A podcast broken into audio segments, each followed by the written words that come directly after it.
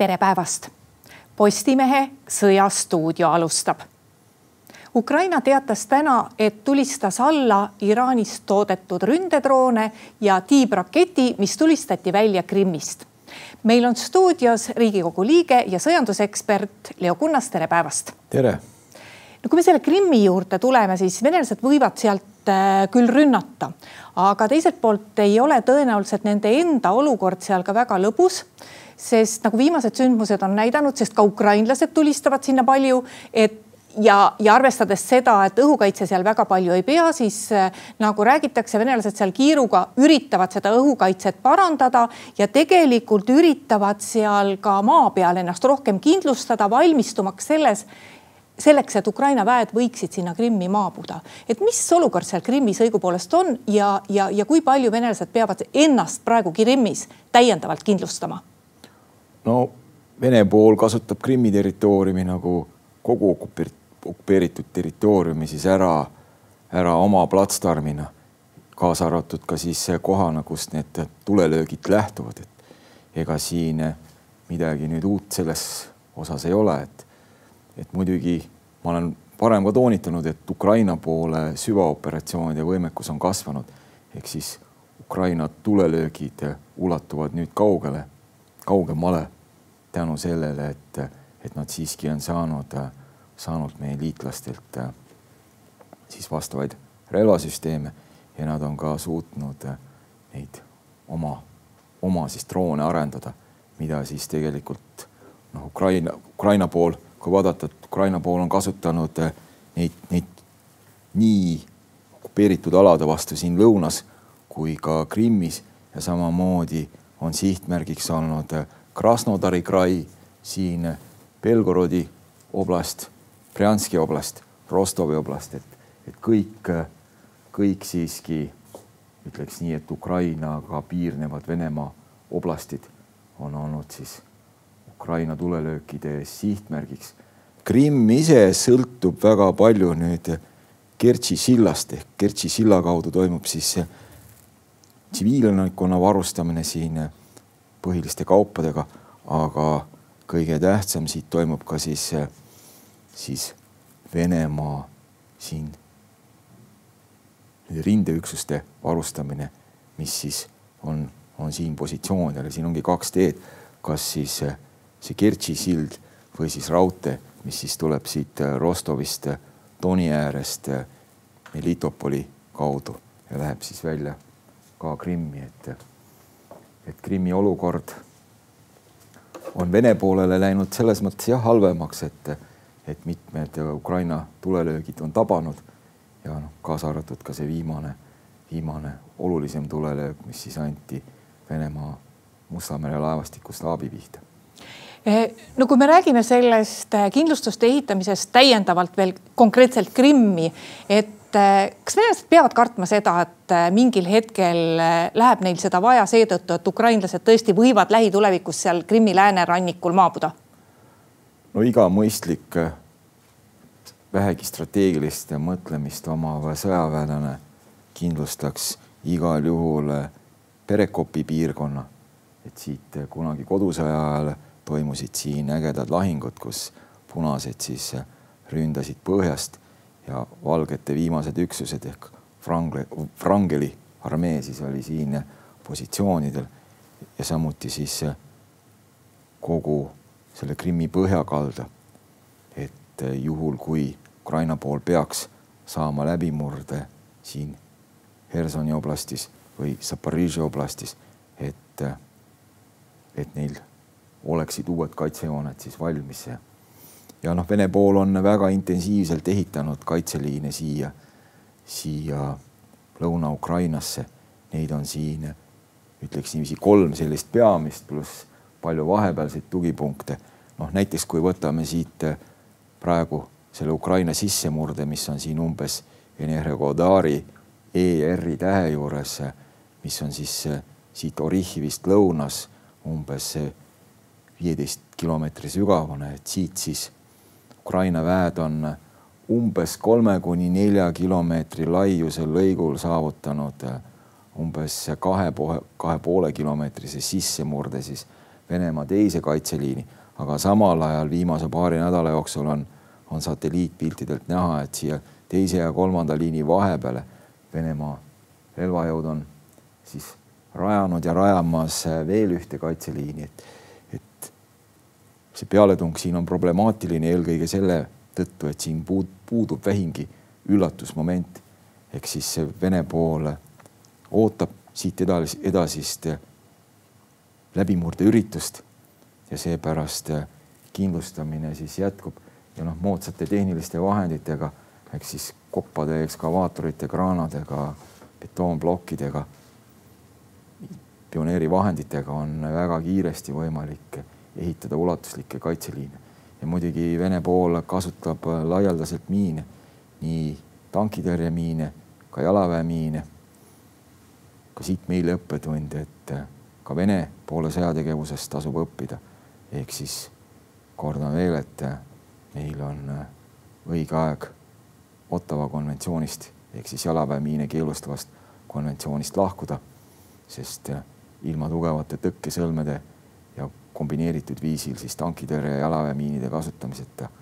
Me ei suuda, ei suuda selliseid kindlustatud liine ehitada, mis arvestades meie vähest territooriumi sügavust, oleksid väga olulised, et siin, siin praeguse etapi õppetund on ju see, et kui miski asi on nii-öelda hundi kurgus ehk siis needsamad okupeeritud alad, siis neid on sealt väga raske sealt hundi kurgust kätte saada ja seejuures kaotused on märkimisväärsed, võib öelda suured, mitte ainult Vene poolele, vaid ka Ukraina poolele, pluss materiaalne kahju, mis siis kogu sellele lahingutegevusele piirkonnale tekitatakse, on ikkagi nii suur, et meie rahvuslikel, rahvuslikes huvides oleks igal juhul seda vältida kõike no kui te ütlete, et venelased on praegu seda aega ära kasutanud, mil rinne edasi ei liigu ja ehitanud sinna teise ja kolmanda kaitseliini vahele veel ühe kaitseliini. Nad tegutsevad jah, tõenäoliselt kiiresti, aga kui tugevaks võib seda hinnata, et, et kui tugev ja, ja, ja kus kohta nad on jõudnud selle rajada no,? rajatised kahtlemata peavad, et, et kui need valmis ehitada, aga noh, rajatis iseenesest ei sõdi. rajatis vajab üksusi, kes siis need rajatised mehitavad.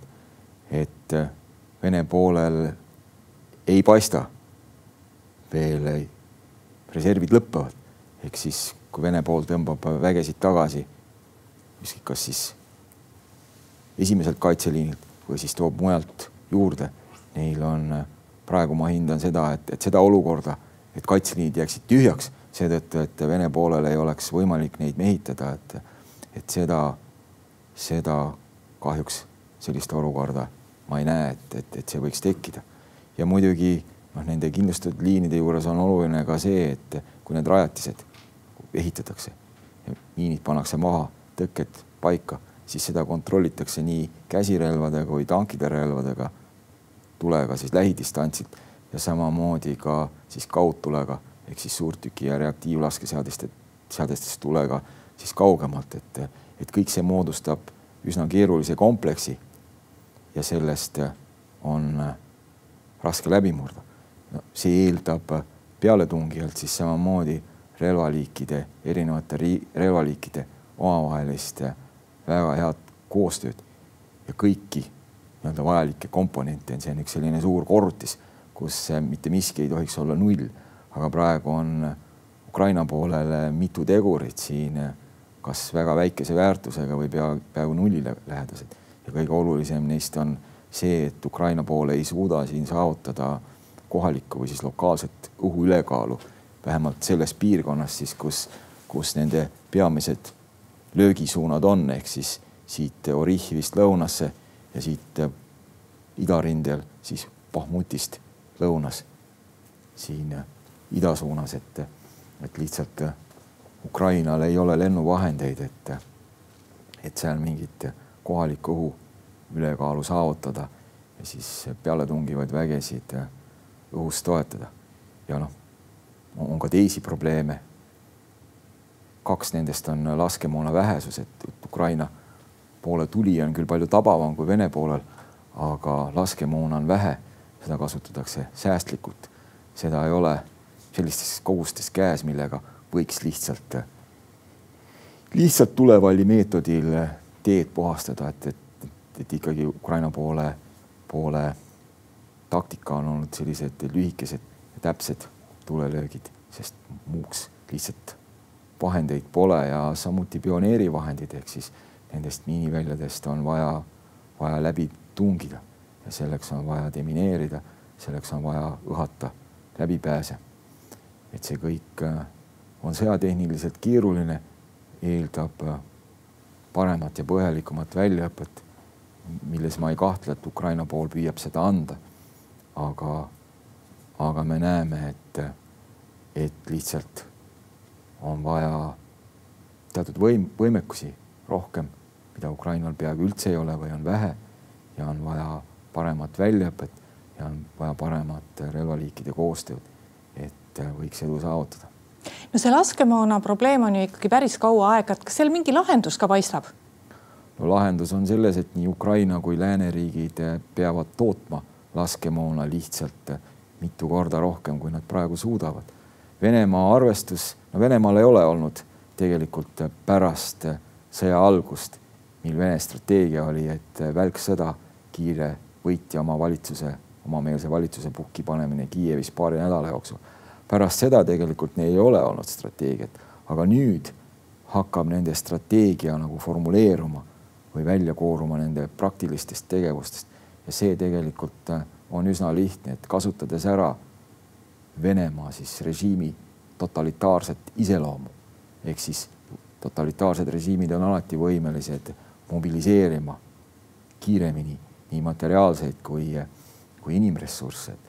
Et, et räägime sellest, et Venemaa suudab toota või suutis eelmine aasta umbes tõenäoliselt toota umbes kaks miljonit mürsku, et mis ta järgmine aasta Vene pool loodab seda võimekust, võimekust tõsta kuskil kolme miljoni mürsuni. no loomulikult nad kasutavad veel vanemaid varusid ka ära, aga ka sellest neile ei jätku. aga küsimus on selles, et mis on siis Ukraina ja lääne vastus kokku, et mida suudab Euroopa, mida suudavad Euroopa riigid ja mida suudavad Ameerika Ühendriigid ja mida suudab Ukraina ise siis toota järgmisel aastal. ja ma kardan, et need kogused ei ole hüppeliselt suuremad või kordades suuremad. me näeme ka, ka praegu seda, et need riigid, kes oma geograafilise asendi või siis üldise sõjalis-poliitilise olukorra tõttu olid sunnitud nagu sõdima ja sõjaks valmistuma. näiteks Iisrael Lõuna-Korea, siis neil on ka laskemoonavarusid ja nemad on need, kes suudavad ka tootmist praegu nagu kiiresti või hüppeliselt kasvatada, et siis varustada neid riike, täita neid tellimusi, mida siis nii, nii Ukraina kui ka, kui ka siis Euroopa riigid esitavad, et oma nii-öelda siis võimekust kasvatada ja neid auke lappida, mis siis Ukrainale nii laskemoona kui relvasüsteemide äraandmisest tulenevad Eh, no rääkides väljaõppest, siis eh, nädalavahetusel Briti kaitseminister ütles, et aga me võime hakata, meie instruktorid võivad hakata ukrainlasi välja õpetama ka Ukrainas, mille peale teatas kibekähku Medvedjev kohe, et aga siis on need teie instruktorid kohe automaatselt meie sihtmärgid. et kui suur apsakas selline väljaütlemine oli? no siin ei ole selles tegu mingi apsakaga, et, et kui Briti kaitseministeerium teeb selle otsuse kaitseministrit instruktorid sinna saata siis ka need saadetakse. loomulikult siin on teatud risk, et nad võivad tule alla jääda, aga, aga see on siis ka kaasnev risk, mis selle otsusega siis koos käib. et, et nii, nii selge see ongi, et, et kõik, kes Ukraina poolel nii-öelda välja astuvad või sõtta astuvad ja Ukrainas viibivad, siis nad peavad sellega arvestama, et, et nad võivad pihta saada. No Ukrainas hukkus juba teine eestlane. kui palju sõdib Ukrainas üldse välismaalasi ja, ja millisel moel nad sõdivad, et milliste üksuste koosseisus ja kus kohas, et kui palju me sellest teame, et kuidas Ukraina väejuhatus kasutab seal sõdivaid välismaalasi? me ei tea sellest väga palju, meil ei ole selle kohta mingit äh, usaldusväärset informatsiooni, me võime lihtsalt panna kokku nendest killukestest, mis meieni jõuavad, pilti. Et siin on mitut tüüpi üksusi, mis koosnevad välismaalastest, on teatud üksused, mis ongi siis formeeritud mingi, mingi siis rahvuse baasil, kes siis soovib ukrainlasi abistada, noh näiteks, näiteks valgevenelastel oli pataljoni suurune üksus, mille, mille nimi on siis Kalinovski pataljon, nüüd on kasvatatud seda, nagu püütakse kasvatada seda rügemendi suuruseks. Siis me teame, et grusiinidel on oma üksus Ukrainas, me teame, et tšetšeenidel, tšetšeenid ei sõdi ainult Vene poolel, Tšetšeenia on ka Ukraina poolel ja neid on, neid on seal mitu pataljoni suurust üksust. siis on võõrleegion, kus on, kuhu siis on koondatud ilmselt suurem osa neid erinevatest riikidest pärit välismaalasi, kaasa arvatud ka siis eestlasi, kes seal võitlevad ja siis on välismaalased, kes võitlevad ka otse Ukraina üksuste koosseisus. eks siin on nii-öelda kolmel viisil on see võimalik, kui palju neid võiks arvuliselt kokku olla, seda ma ei tea ega ei hakka ka mingit oletust tegema. aga selge on see, et, et neid, kes Ukrainale kaasa tunnevad, on palju. ja me näeme ka ju meie, meie kaasmaalastest, et neid on seal kaugelt rohkem kui kaks inimest no me alustasime oma juttu Krimmist ja, ja läheks nüüd oma jutuga korraks Mustale merele. et äh, ühelt poolt on muidugi halb, et seda viljakokkulepet, viljaveo kokkulepet ei ole, aga teiselt poolt on viimased päevad siin näidanud, Ukraina on vähemalt nii teada andnud, et viljalaevad siiski äh, liiguvad pääsevad sadamatest välja ja sõites siis Ukraina territoriaalvetes ja sõites ka Rumeenia territoriaalvetes, saavad siiski minema. et kui palju võis mõjutada see eh, Musta mere pea, eh, Musta mere laevastiku peastaabi pihta saamine nüüd eh, ukrainlaste kasuks olukorda Mustal merel? no seal tõenäoliselt seal laevastikus on, on laevu küll ja veel, aga et kas see mõneti tegi Ukraina ja ukrainlaste liikumised seal Mustal merel kergemaks? no ma ei usu, et see nüüd otseselt kuidagi kergendas ukrainlaste olukorda, aga iga kord, kui kõrgemad ülemad saavad surma, siis ikkagi tekib nende asendamisel, tekivad teatud raskused.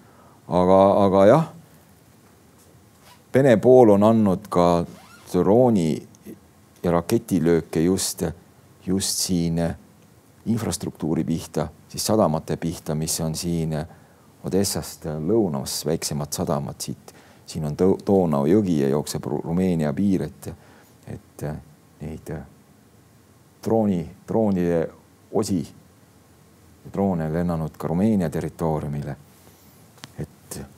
Siitkaudu jah, on, on Ukraina laevu minema pääsenud, aga loomulikult see transpordimaht ei ole, ei ole nii suur, ei ole võrreldav sellega, mis siis toimus vahepealsel ajal.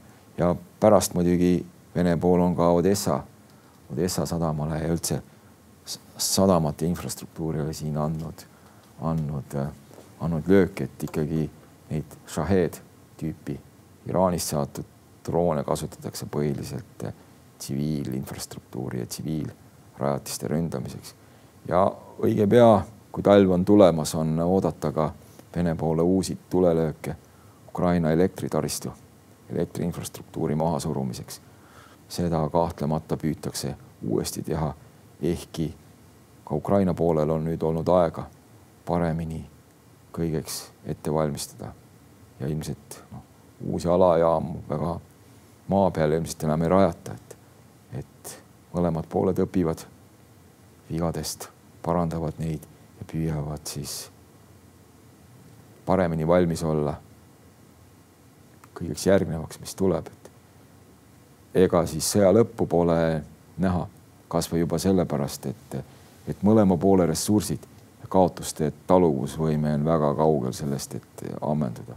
ma ütleks, et Vene, Vene pool ei suuda taluda, kui teises maailmasõjas uusimate Vene ajaloolaste endi andmete järgi Nõukogude Liit kaotas nelikümmend koma üks kuni nelikümmend koma üheksa miljonit inimest, et selliseid kaotusi loomulikult Venemaa taluda ei suudaks enam, aga mingi miljon inimest ei ole, kuni miljon inimest ei ole neile mingi piir ja sama tegelikult puudutab ka Ukrainat. et, et seetõttu, et nüüd liiga suurte kaotuste tõttu tahe raugeks, seda ei juhtu. ja ka ressursside puuduse tõttu, et tahe raugeks, samamoodi ei juhtu seda, et Venemaa on suur riik ja Venemaal on palju ressursse. ei ole mõtet ka Venemaad alahinnata. Ukrainal on loomulikult mitu korda ressursse vähem, aga selle kompenseerib äh, siis liitlaste, kaasa arvatud ka meie tagasihoidlik abi, mis me oleme Ukrainale andnud ja mida siis äh, liitlased kindlasti järjepidevalt annavad ka edasi. aitäh, Leo Kunnas, tulemast saatesse. ja aitäh ka kõigile neile, kes meid vaatasid. Postimehe järgmine otsesaade on eetris juba homme. seniks lugege uudiseid postimees.ee